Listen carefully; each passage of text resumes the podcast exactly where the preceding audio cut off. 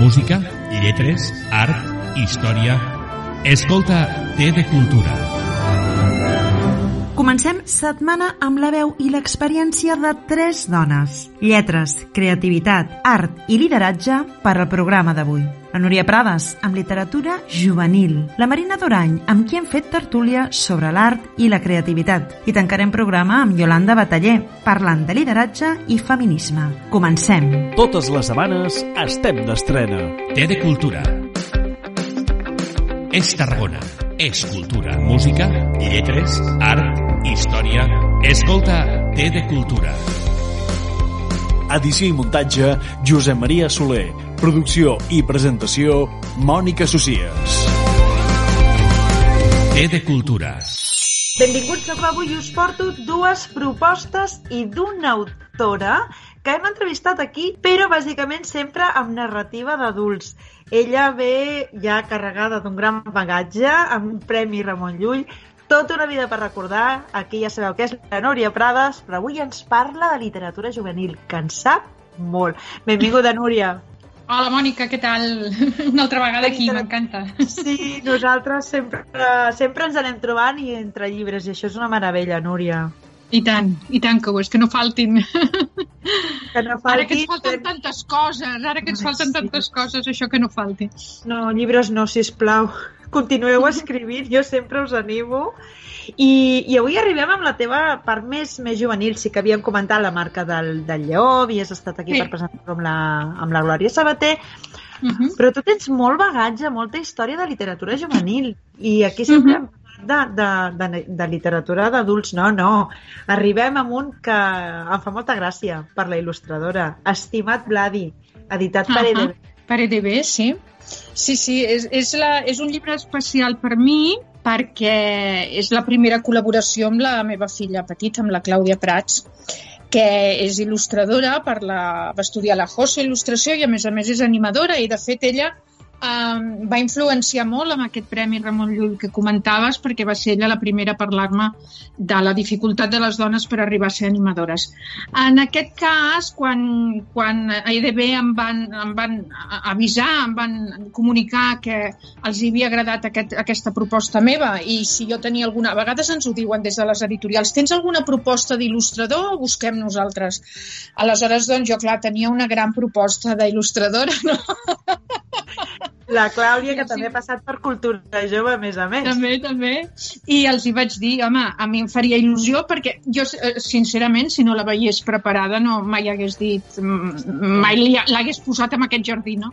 Però ella ja havia acabat, eh, la carrera estava amb tot el tema de d'animació i també per ella ha sigut una experiència, eh? perquè a vegades m'ho comenta, però el que passa és que la Clàudia és molt com jo, és molt perfeccionista, però a vegades em comenta, veus, si fos a fer ara ja ho faria diferent, dic, però això ens passa sempre, jo també l'escriuria diferent i tots ho faríem molt millor si ens deixessin repetir, no? Però no sempre és possible. No, no es pot repetir sempre i, i penso que heu fet, una, heu fet un molt bon equip Sí. i és un llibre que a mi m'ha cridat molt l'atenció perquè en un món tan, tan, tecnològic utilitzes una paraula que m'encanta, car. Sí, sí, el llibre realment es, es sustenta en això, eh? és la relació entre dos, mm, eh, entre una noia i un noi, un, un, dos amics eh? que estan sobre els 12 anys i ell acaba d'arribar de, de Rússia, és una persona que s'ha d'integrar, eh, van teixint aquesta amistat i quan es separen la mantindran a través de les cartes. Unes cartes precioses per part de la Martina, que és, és, una, és una nena molt expansiva, molt, molt, molt d'acord, no?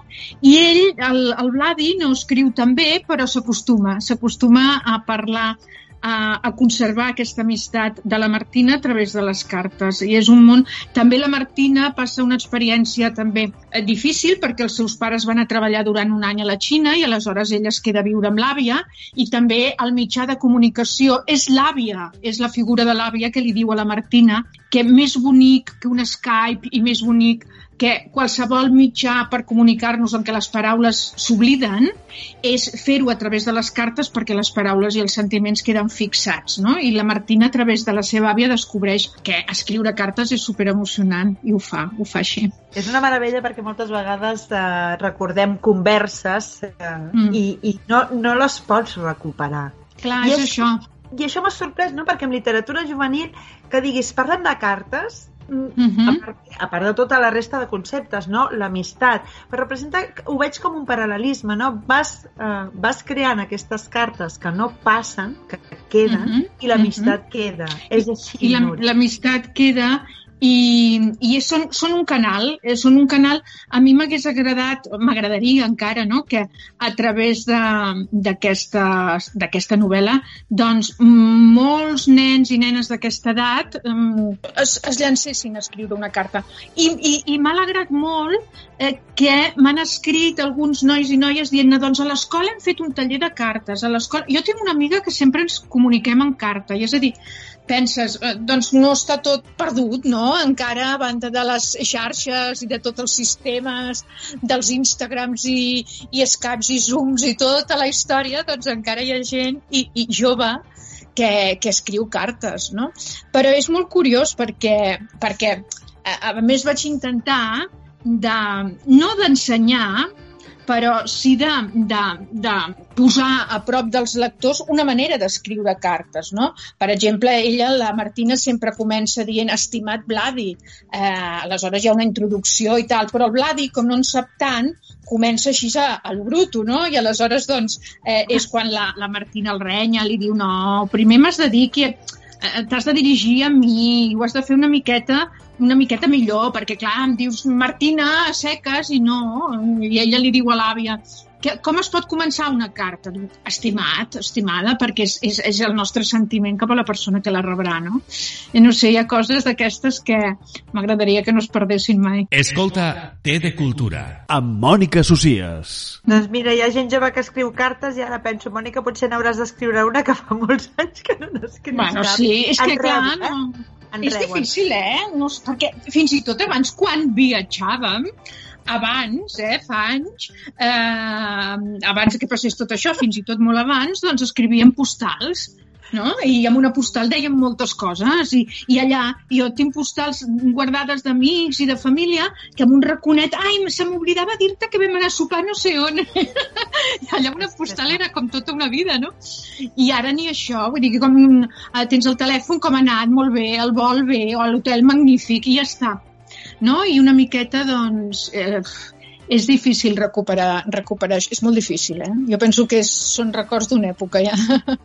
Sembla que sí, però mira, no sé, a vegades amb llibres com Estimat Vladi, que és de la Núria Prades i editat per EDB, podem recuperar aquestes lletres. Molt bona temàtica i molt bona perspectiva, però també molt bona, que m'ha agradat molt, la del següent llibre. Ella. Ella.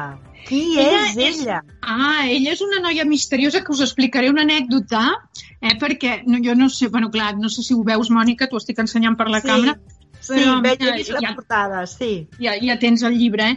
Uh, ella és, és, una, és una noia misteriosa que apareix a la vida d'un periodista uh, en hores baixes. Ha sigut el, el, ell ha sigut periodista, doncs, es diu Joel Travert, i ha sigut periodista a la tele d'aquests que una mica de programes del cor, saps? Va tenir un èxit molt rotund, va guanyar molts diners, però està en un moment en què ja aquestes coses són molt efímeres i aleshores ja no li fa cas ningú, pobret.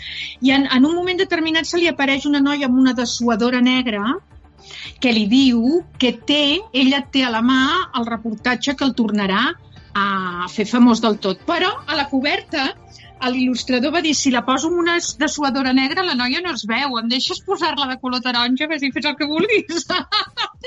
I aleshores a la coberta tenim així una noia d'esquena amb una dessuadora taronja que realment llueix més que si fos negra, perquè la carretera és negra, l'ombra del periodista és negra, tot seria negre, no?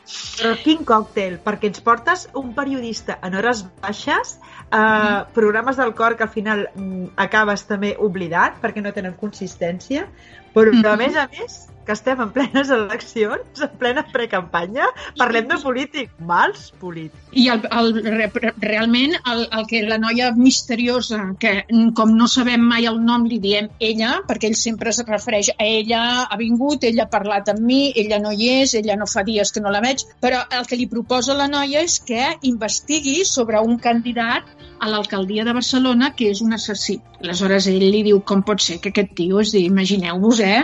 Imagineu-vos que algú ve, i- algú ve i diu, no, és que a- aquest, aquest, el candidat de, jo què sé, d'Esquerra o el candidat del PSC és un assassí perquè va matar algú. I clar, ell diu, això és impossible, però ho investigarà, perquè en el fons del Joel Traver hi ha un bon periodista. Ai, Sí, que és una mica- periodistes al món. Ai, ai, jo sé que s'han fet molt bones crítiques que, perquè hi ha molt de detall del món del, del periodisme. No ens podem allargar massa, se'ns ha volat el temps, però quins dos llibres juvenils que també llegirem els adults. Que destaco que són dues...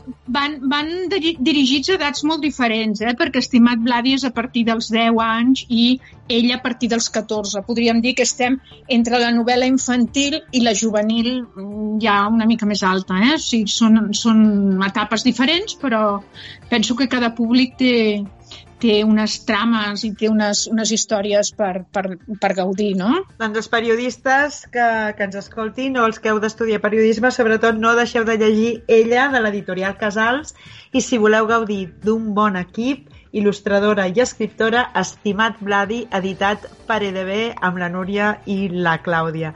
Gràcies per acompanyar-nos aquesta estona i per aportar-nos tant de còctel i tanta salseta literària que també és molt necessària, Núria. I tant, moltes gràcies a tu, com sempre, ja saps on sóc. Eh, de llibres no em faltaran per parlar. Té de cultura.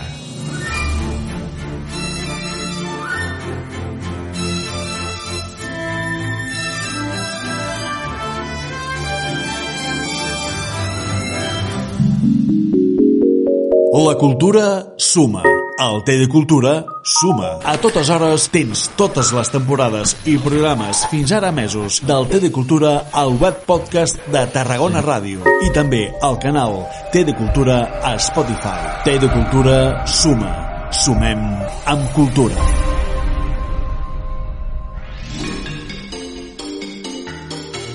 Vols descobrir quina és la teva passió per la cultura? Viatja amb nosaltres.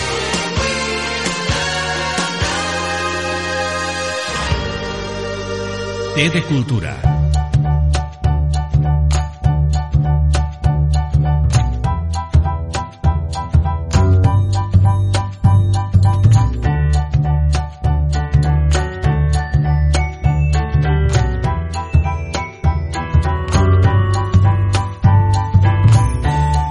Lletres, té de cultura. Tarragona Ràdio. No sé si recordareu, farà poc més d'un any que gaudíem de, de tota la creativitat de la, de la Marina Durany. Havia estat aquí als estudis de Tarragona Ràdio i ens va explicar contes, ens va portar uns ocells magnífics.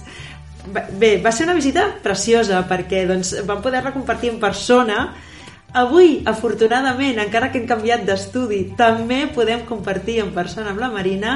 Ho fem després de- d'un any doncs, per celebrar un nou conte, més creativitat i el seu estudi. Moltes gràcies, Marina, per rebre'ns. Hola, Mònica. Marina Durany va estudiar música al conservatori i va acabar dos superiors i dos màsters en flauta travessera i traverso a Amsterdam. Es defineix autodidacta pel que fa a la pintura. Creadora i escriptora, té molt clar que cada experiència vital alimenta el seu art. Marina, un any que estàvem tots junts, que celebràvem tot aquest art que tens amb música, amb infants, amb una exposició meravellosa, que parlaves de contes, d'imaginació... Mm. Quina enyorança. Mira, a mi jo, jo no tinc molta enyorança mai, No? eh? No, jo vaig deixant passar les coses. Les gaudeixes al moment i després... És com que tinc tantes coses com per fer noves, ja Això dic, sí. ostres, ara... Fins i tot que em deien, aquesta exposició hauria d'anar a més llocs. I pensava, ah, sí, i dic, ostres, tornar-la a fer, no? I ara hi vull fer una altra cosa, però bueno, sí, tinc tot el material. Bé, sí, guardes tot el material i, i bé, n'has creat de nou, evidentment, perquè ara tenim una altra exposició Bé, van fer una exposició a la biblioteca, van fer el centenari sí. de la biblioteca, que per això era, era un dels motius, i penso que ha sigut el motiu pel qual ens hem, ens hem trobat a través d'un nou conte, precisament, sí. de la Biblioteca Terra Baixa de, del Vendrell, però penso que aquest conte, El llop sense nom, és també, eh, com ho podríem dir, un homenatge uh -huh. en si al que és la lectura de les biblioteques i els bibliotecaris un homenatge a un tipus de sensibilitat, no? La que no vol, no no vol, sinó la sensibilitat de les coses en silenci, descobrir, no? Em sembla que, no sé on ho vaig dir, no sé si ho poso allà, no, però aquesta emoció de, de quan es trenca l'ou a veure què surt, no? Hi ha allò que diu, eh, qui entra a la biblioteca sap que tot està per néixer, no? Aquesta, obrir un, un llibre...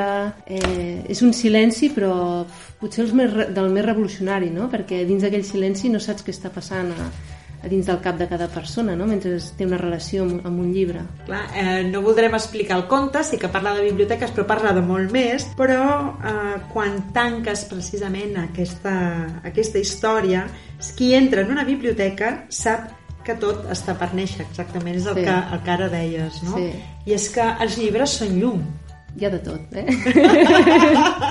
Bé, n'hi ha que no són massa llum, n'hi ha que no tenen, no tenen massa, massa bona història per explicar o històries que realment no haurien d'existir, de, trobem de tot, de tot, però també d'això se n'aprèn. Penso que, que tenir aquest punt crític de saber què i què no, això s'aprèn també amb cultura, és la cultura qui te'l dona, aquest, aquest esperit crític. Clar, el fet, el fet de llegir jo crec que et, et marca un tempo que et deixa ser crític amb, amb allò que estàs llegint, no?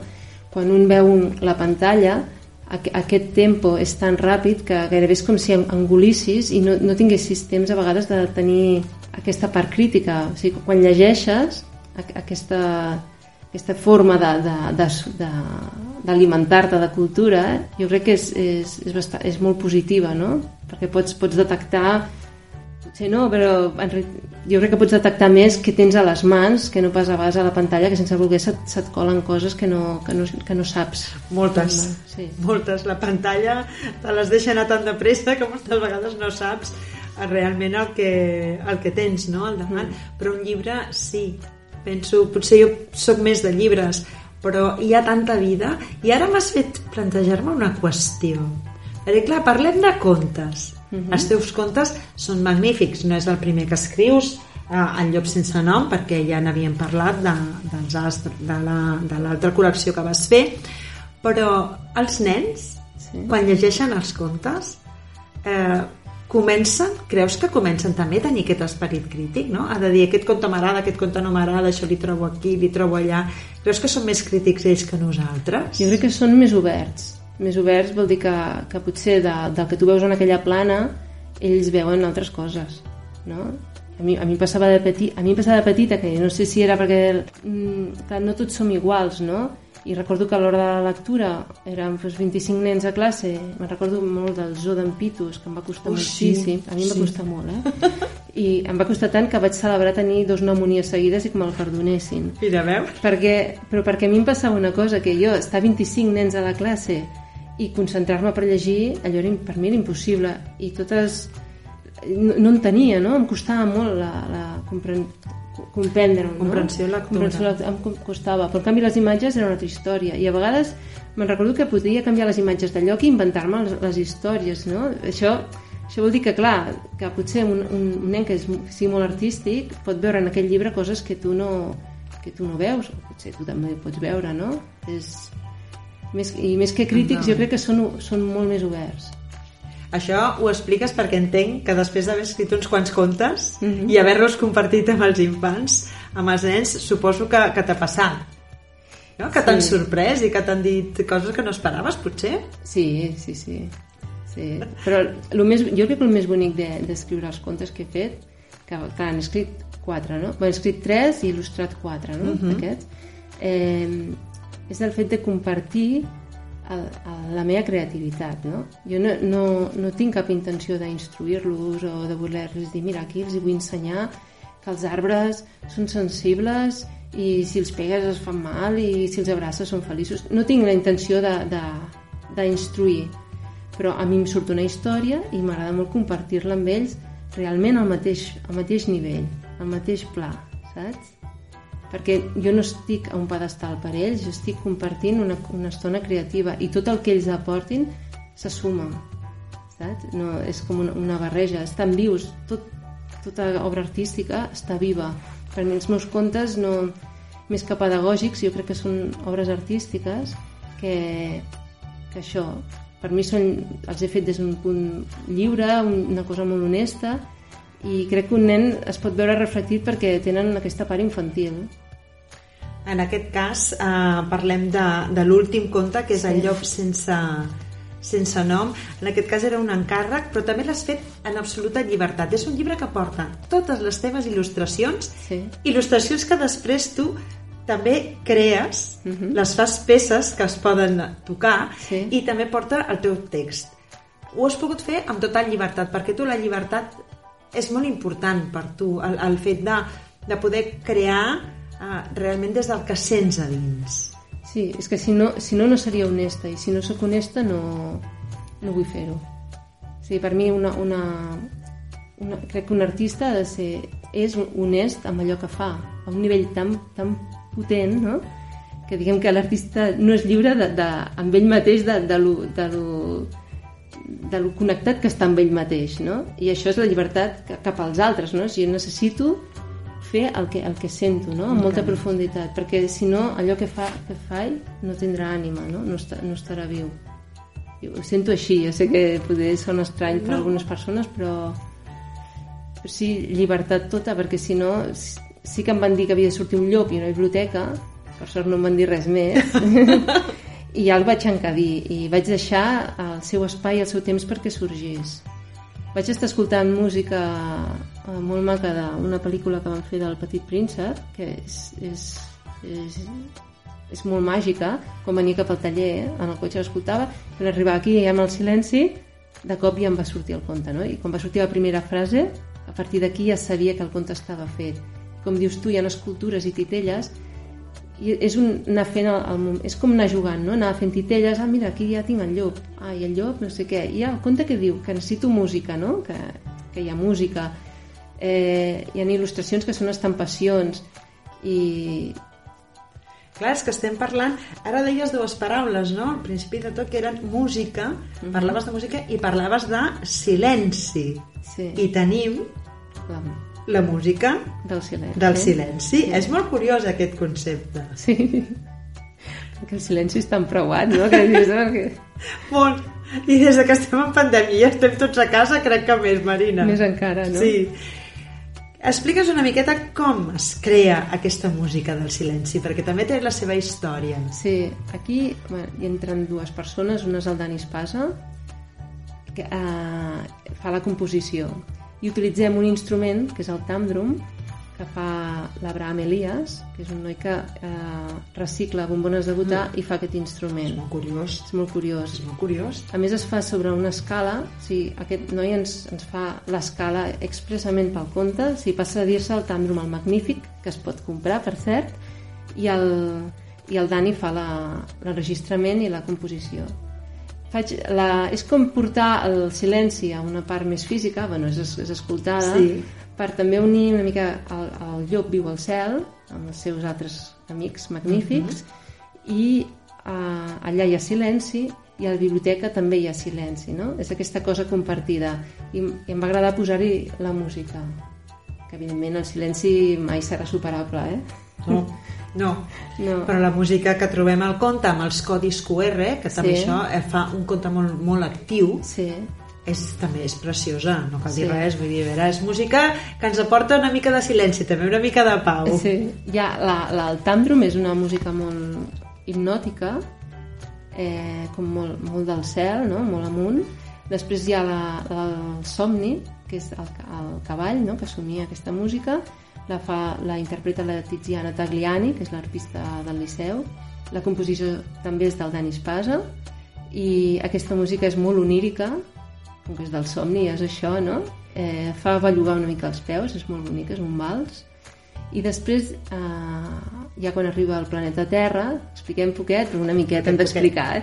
El, el llop es troba que hi ha un violoncel·lista en una platja molt concreta que està tocant unes melodies, no? I aquí entra la música de Bach, que interpretada pel violoncel·lista Pau Codina.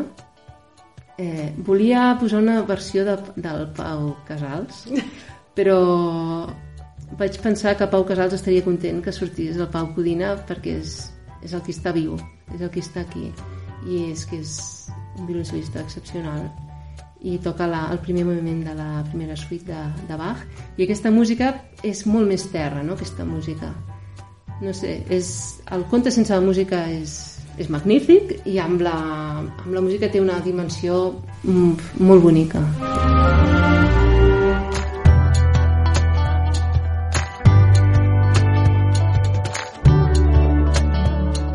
Escolta Té de Cultura. Amb Mònica Socies. A mi m'agrada perquè cada vegada que, que ens expliques els projectes, cada vegada dius, Mònica, mira, hem fet això, hem fet allò. És impressionant com tot, eh, com ho comparteixes, no? Amb els músics, eh, el, el fet de fabricar el, el, el tàndrom, sí. sí, perquè a vegades de no dir els noms correctes amb tantes coses, però eh, tot aquest equip que sempre està tan content mm. de treballar amb tu. Ets una font de, de creativitat inspiradora i sempre t'acompanyen tots. Estàs molt, molt ben acompanyada sempre, embolcallada d'ells, no? d'artistes. Jo, crec, jo sí, tinc molta sort, però el, els, crec que com que soc músic professional, no? soc flautista, sí. eh, sempre acabo enganyant algun músic. I clar, que la cosa s'ha anat fent gran. Aquest cop sí que ha estat un projecte m'han acompanyat vuit professionals eh, impressionants sí. I, no només aquests músics eh, entra també el, el tractament digital el fotògraf i ha estat, sí, m'he vist com de jefa, no? liderant allà però amb gent molt, molt això que dius, no? Estan contents, però jo estic molt contenta. Sí que hi havia un moment que dic, ostres, què estic fent, no? Clar, és que jo no arribo a tot. A mi m'agrada molt fer-ho tot sola, però que hi ha coses que jo no puc fer, hi ha coses que no... I és bonic, ha sigut, ha sigut genial compartir aquest conte amb, amb tanta gent. M'agradaria que la veiéssiu ara, perquè se li, se li, eh, les espurnes del, dels ulls són pura, pura llum. Sempre he tingut molt, molt feeling amb tu perquè sempre penso que vas més enllà, que quan crees i ho fas des de la llibertat eh, hi, ha artista, hi ha artistes que em diuen és que nosaltres arrisquem no sé què ens trobarem, però arrisquem.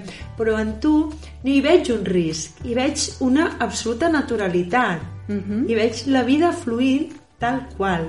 I amb tot això eh, me'n vaig ara una mica ja enrere en el temps, perquè no pot ser que no ho digui, i aquí davant tinc un nou que diu que tot està per néixer. Per néixer. I aquest ou precisament formava part d'un pessebre que vas veure, del pessebre que vas, vas crear tu i que posarem a les nostres xarxes a l'enllaç de, de YouTube perquè la gent el pugui gaudir. Vull dir, escolteu, ho compartirem a, la, a, bé, a les xarxes d'Instagram no es poden enviar els enllaços, però sí de, de Twitter del programa perquè és que és impressionant. Vas més enllà, amb una naturalitat brutal. L'art és per sacsejar, Marina, Sí, l'art és, és aquesta espurna que quan et penses que està mort, pues, que estàs mort, t'arriba allò i dius ah, estic viu, no? Jo, jo per mi, quan dius aquesta naturalitat, sí que, clar, tinc molta connexió pues, amb la naturalesa, no? I sempre penso que m'agrada aprendre d'ella, no? I sembla que abans ho hem comentat, no? Jo crec que el temps de la vida te'l marca el creixement d'un arbre, no? Anem, sí. anem molt ràpid i jo crec, confio molt i amb, amb, el, amb el que hagi de sortir. Potser aquesta naturalitat és... Sí que és veritat això que diuen els artistes de que arrisquem molt, sí, perquè, clar, ja no tinc, tens una idea i la fas. Ja no t'entra al cap de, ui, vols dir, vols dir, no sé què. Ah, és que és que guai, surt, no? I surt, no? I deixes que creixen... L'art, per mi, el, el real, creix d'una forma orgànica, perquè és un joc com la naturalesa, no? I, i tu deixes que entri una llavor, si jo vaig agafar la llavor de, que em van cantar els, els bibliotecaris, van dir vull aquest, volem aquest conte, la vaig deixar dins i en algun moment va sorgir, no? I ara, pues, això, aquest pessebre, eh, ara últimament escric monòlegs. Sí, també la podeu trobar. És veritat, el teu canal de, de YouTube, sí. de YouTube.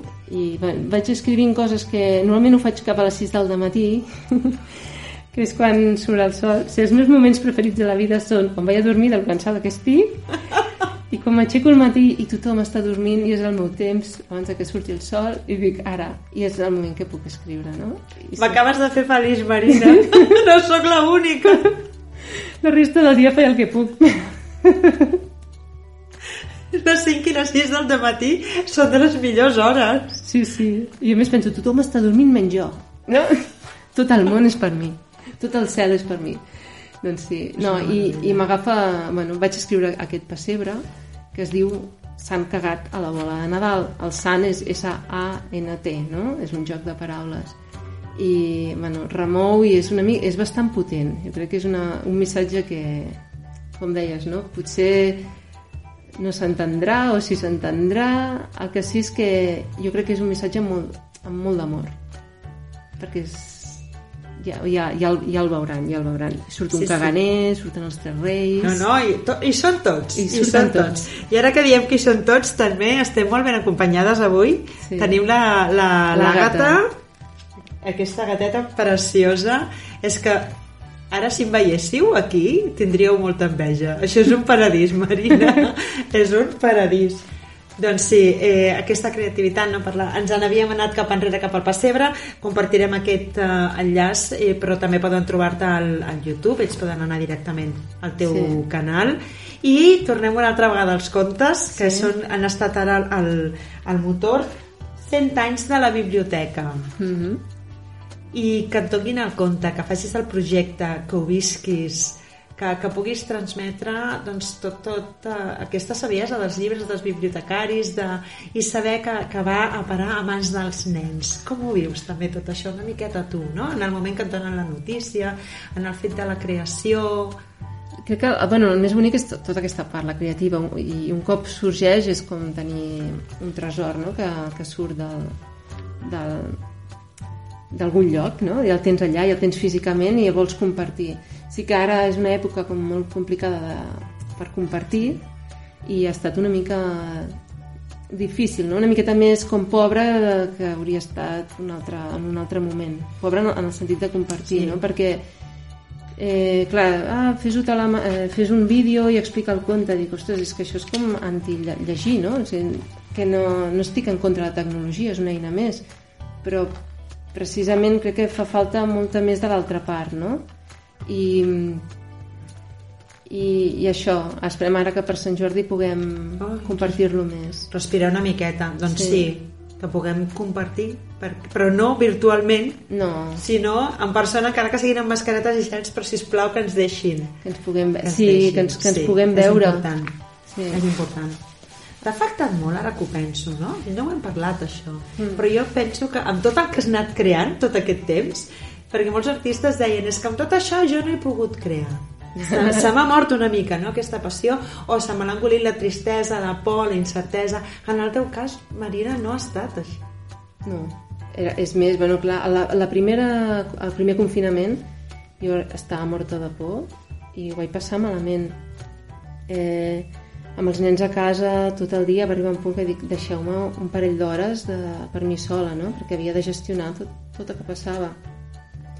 Vaig anar a un mirador que tenim a dalt, ple de finestres, ara no ens deixaven sortir de casa, i mira, vaig escoltar el, el pont de Marblava de Lluís Llach, i en la cançó del carrer del, dels Quatre Llits, no? crec que es diu, eh, bueno, una que, que tot, tot l'àlbum em semblava una, un regal per la humanitat tan immens, o sigui, el Lluís Llach ja sé que el sentim molt català, però és que, que allò, el Lluís Llach i el, i el Miquel Martí Pol Sí. han fet un regal per la humanitat i estan dient unes coses que si les es... torneu a escoltar l'àlbum i, i, o llegiu, llegiu-lo perquè és un missatge molt fort no? el tema que diu eh, on estan els atletes, quins són els atletes, que- els atletes de la pau estem esperant els atletes de la pau de les idees del cor fratern dels gest bondadors i això ho dic una mica de memòria no? els gest bondadors, on estan els atletes dels gest bondadors no? I vaig plorar molt i tot. Ara ja, després de tanta por que he passat, clar, un, quan, quan et fan un ensurt tens molta por. quan te'l tornen a fer diverses vegades el mateix tipus d'ensurt, un ja, ja no va tenir tanta por, va canviant i vas donant comptes de, de coses. Jo és que la meva creativitat no la puc parar mai. O sigui, tinc dos fills i, i com puc m'escapo, pujo... Hi ha un vídeo al YouTube que es diu Arbres Tots, que el vaig fer durant el confinament. És per tots, els, per tots els públics. Vaig fer-ho com vaig poder, perquè això, doncs cada 5 minuts pujava dalt i feia un trosset. Després no, estava amb els nens. I, i m'ha fet, fet pensar molt. Jo crec que, que hi ha moltes coses que... No sé, és que es fa difícil explicar, no? Però jo sí crec en la humanitat i crec que podem canviar moltes coses i crec moltíssim que, que l'art és més necessari que mai. Doncs ja ho sabeu, per començar, jo us animo a conèixer una miqueta més la Marina, Marina Durany, a la seva web, al seu canal de YouTube, als seus contes. Eh, nosaltres anirem compartint algun vídeo, els enllaços, fotografies, perquè doncs, tingueu aquest petit tastet. Però endinseu-vos a les xarxes i ja ho sabeu, teniu la porta del seu taller oberta. Amunt la creativitat.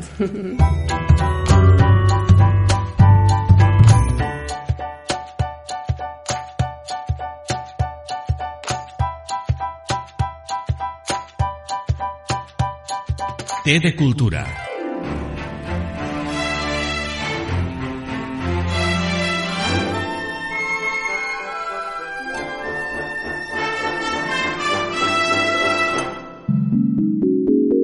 La cultura suma. El Té de Cultura suma. A totes hores tens totes les temporades i programes fins ara mesos del Té de Cultura al web podcast de Tarragona Ràdio i també al canal Té de Cultura a Spotify. Té de Cultura suma. Sumem amb cultura. Té de Cultura. La Tarragona més cultural.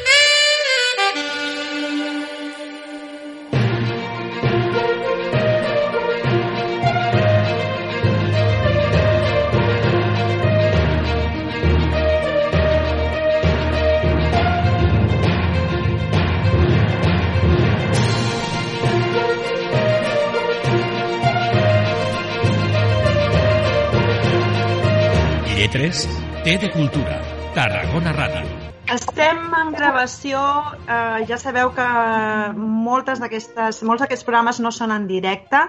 És dia 8 de març, estem molt ben acompanyades i estem en uns espais eh, casolans, literaris, per gaudir de la calma i de la tranquil·litat. Jo no faig meditació, la nostra convidada sí, però crec que d'aquí en endavant agafaré aquest eh, mètode, aquesta forma de, de viure i de sentir per continuar treballant, per créixer com a persona i professionalment. Què dir d'ella? Es defineix com a escriptora, editora i directora, jo hi afegeixo dona i persona. Yolanda Bataller, benvinguda. Moltes gràcies, feliç de ser aquí. Yolanda Bataller, escriptora, editora, directora. Ha estudiat filologia anglesa i ha fet cursos de literatura i llengua a les universitats de Braga i Nissa. Va ser professora de literatura a Los Angeles. Des de fa 20 anys col·labora amb diferents programes de ràdio. Actualment és la directora de l'Institut Ramon Llull. Doncs eh, en un dia molt especial parlem de A través de fer les coses de la teva manera, la revolució del lideratge en català i en castellà, publicat per, uh, per Destino, dic perquè hi ha els dos idiomes, qui es vulgui animar en una llengua o en una altra.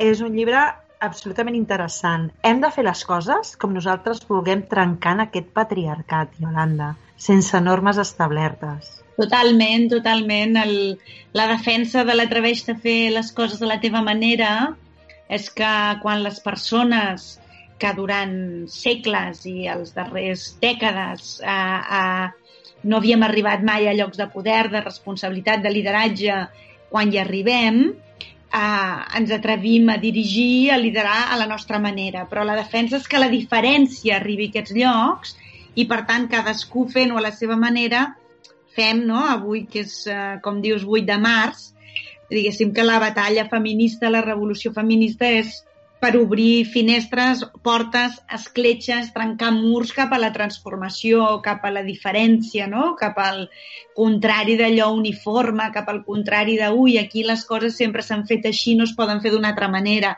No, que, que, que fem això, no? que cadascú s'atreveixi a fer-les a la seva manera. A més a més, eh, començar a, a tenir models. És molt complicat fer camí per primera vegada pels, uh, pels dubtes, perquè no tens ningú que hagi fet això abans. I un dels punts, uh, això és un dels punts que tu comentes al principi del llibre, però mira que anem avançant, ens trobem aquest fet de conèixer a una mateixa.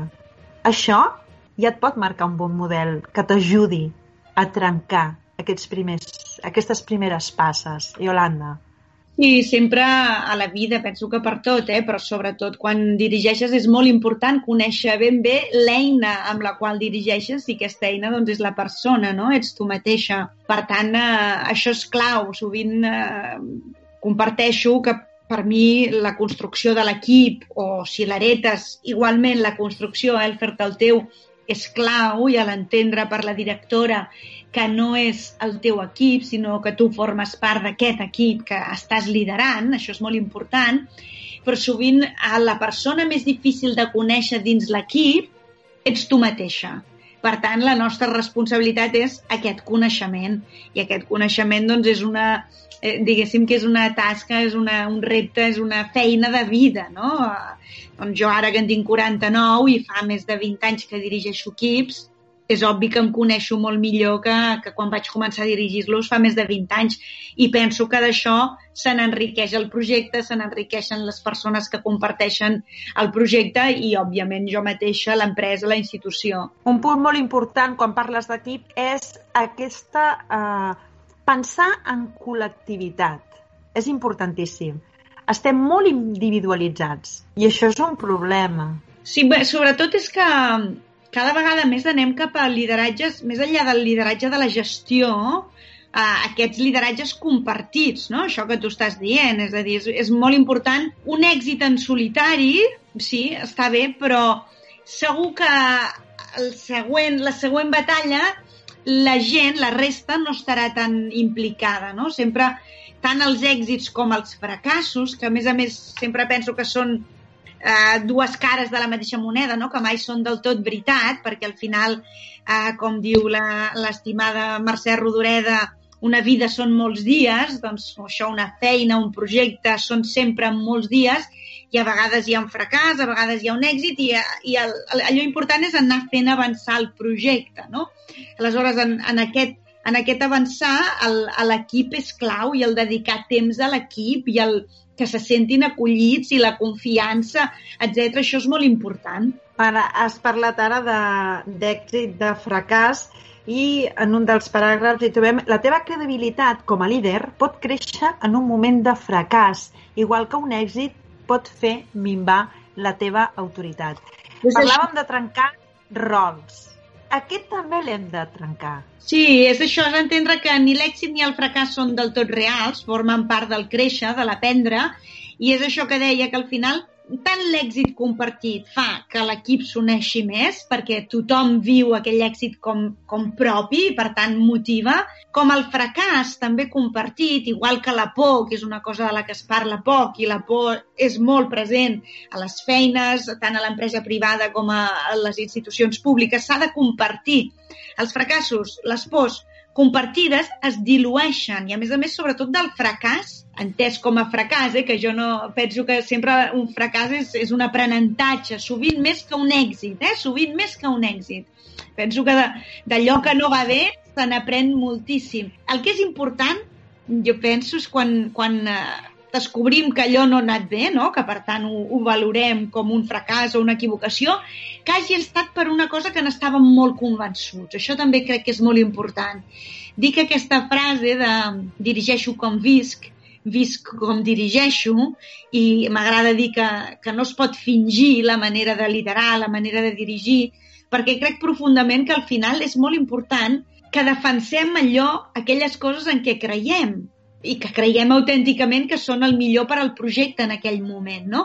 Si ho fem així, el fracàs doncs, serà una cosa que nosaltres creiem profundament que era bona. D'acord, ens hem adonat que no, doncs aprenem i ho canviem.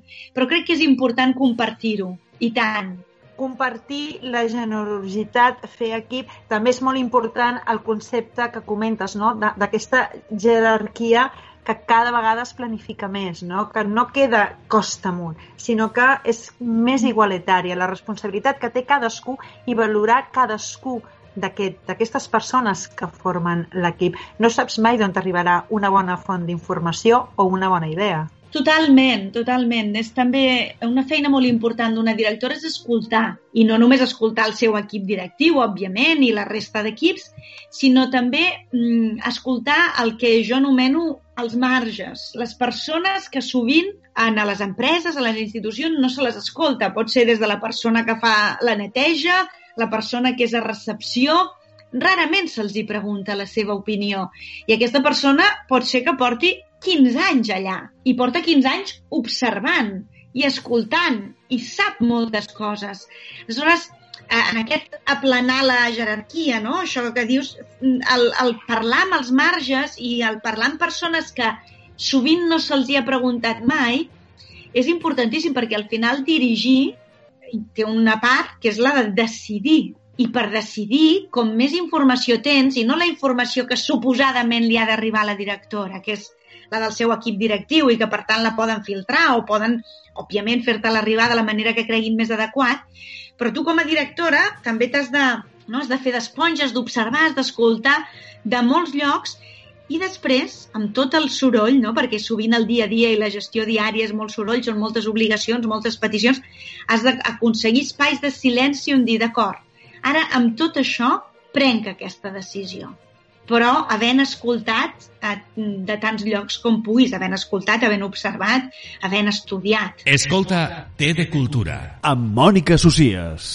Hi ha una filosofia preciosa que crec que molts eh, hem empatitzat amb tu en aquest aspecte del, del llibre i és com ens han fet sentir a nosaltres quan hem anat a casa de la iaia i aquesta habilitat, aquesta mestria, aquesta dolçor i saviesa que no sabies d'on era, però ens feia tots especials. Això m'ha agradat moltíssim. Les sí. arrels. Sí, sí, molt important. La, eh, la Sílvia Coppola m'hi va pensar, em va dir, és que ets molt valenta, perquè per primera vegada barreges en un llibre eh, el que és la professió i la vida privada, la vida personal.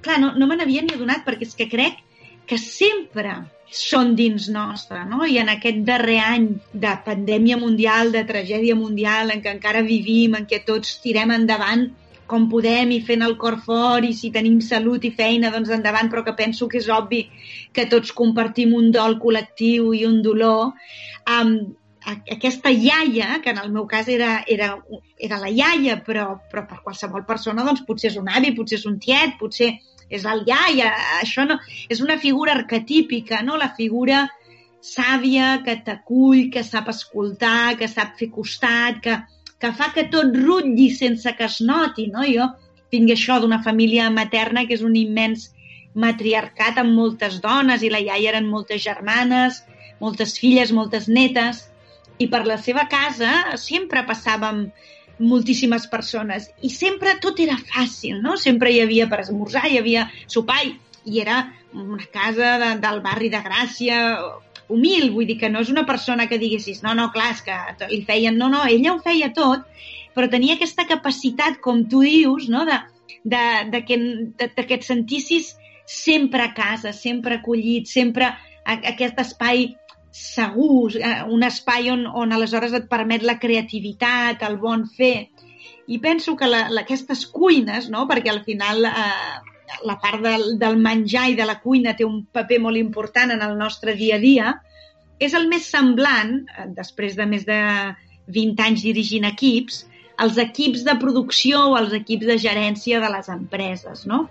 Per això també m'agrada fer aquesta, aquest referent, perquè és evident que les dones i les nenes, encara ara, en molts llocs, en moltes disciplines, en molts llocs de responsabilitat no tenen encara referents i per tant és molt important fer-se els referents propis. Realment eh, les empreses també és, eh, són cuines, són moltes cuines, on les dones hi hem d'entrar, eh, esperem cada vegada tenir més referents, però sobretot hi hem d'entrar amb alegria, amb felicitat. Uh, Yolanda, vestir-nos pel matí uh, tal com ens sentim, amb els nostres colors, amb els nostres detalls, i anar-nos a treballar sense haver de pensar uh, que miraran el, el nostre exterior, sinó que tenim aquesta capacitat d'irradiar energia no?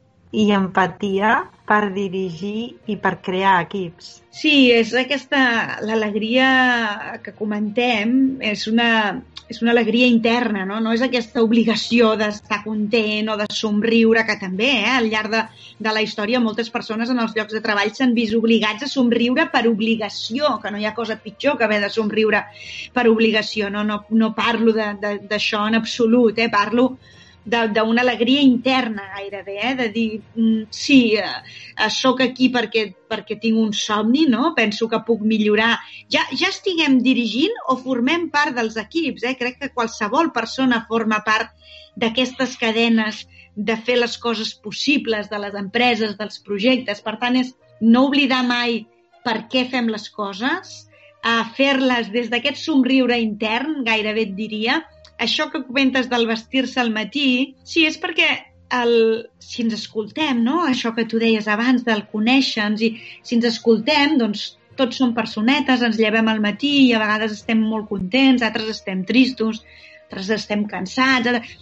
I clar, al final també és bo escoltar-te i dir, mira, doncs avui potser precisament perquè em noto més aixafada, em ve de gust una cosa amb color, no? Una roba amb color. Doncs tot això, que són petites coses que ens fan a tots i totes, és important escoltar-s'ho personalment i respectar-lo de la resta, no? I que no, que no tingui eh, importància, vull dir que tingui eh, la importància de, del fet eh, eh de fer-ho des d'aquest escoltar-se, però que és obvi que ningú és millor o pitjor treballador o líder per vestir-se d'una manera o d'una altra, no? I això que en el món anglosaxó, on jo hi he viscut i treballat molts anys, és molt més clar des de fa molt temps, en els mons llatins eh, encara costa, va canviant però encara costa, no? I crec que és, que és important i que respectant l'opció de cadascú, eh? vull dir que aquí sí que penso que allò important és com amb tot, perquè al final la gran defensa de l'atreveix a fer les coses a la teva manera és la defensa de l'altre, no? la defensa de l'alteritat, la, la defensa d'allò que fins i tot a vegades no entens o no hi estàs fins i tot d'acord, però que també et toca defensar o en tot cas dialogar amb aquella persona, però sempre a través de, de l'acceptació de l'alteritat, la, no? Mai a, a través de la negació, que és el que s'ha fet doncs, en els models heteropatriarcals, que era per, perquè jo tingui força he de destruir o negar l'altre. No, és tot el contrari.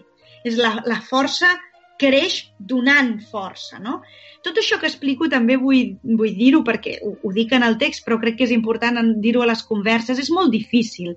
Tot això que explico no és gens fàcil i té moltes resistències internes, externes, perquè és un, és un canvi, són uns canvis que estem fent entre totes i tots. Per tant, sobretot vol de molt temps, vol de molta eh, observació, vol de generositat, vol de moltes coses i vol de ser-hi, no? Un fet que tu clarament has vist, Mònica, que és aquest dedicar temps, aquest ser-hi.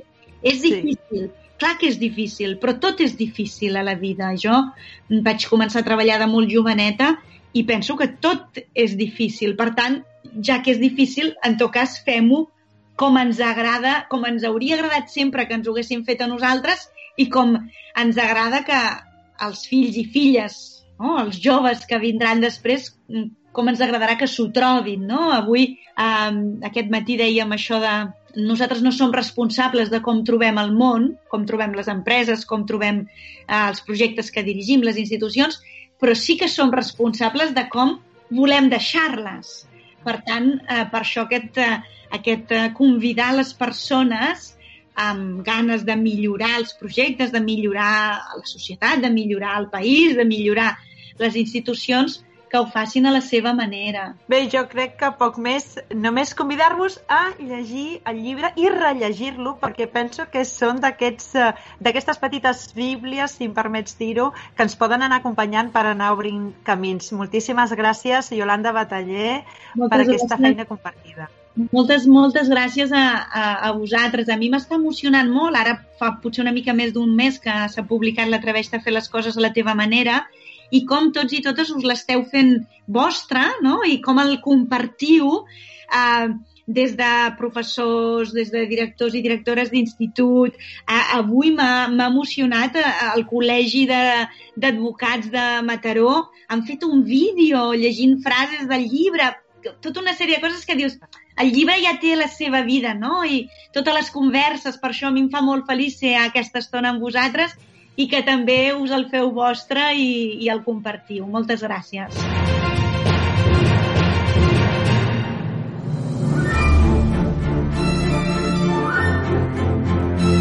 Música, lletres, art, història... Escolta, té de cultura. Literatura per als joves i no tan joves. Creativitat i art. Un debat infinit. I les dones i el lideratge, trencant esquemes. Com dèiem al principi, un programa amb veu de dona. Us deixem amb aquestes experiències i propostes esperant que les hagueu gaudit. I us esperem la propera setmana. I com sempre, recordeu, prudència, salut i sobretot molta cultura. Escolta, té de cultura. Edició i muntatge, Josep Maria Soler. Producció i presentació, Mònica Socies.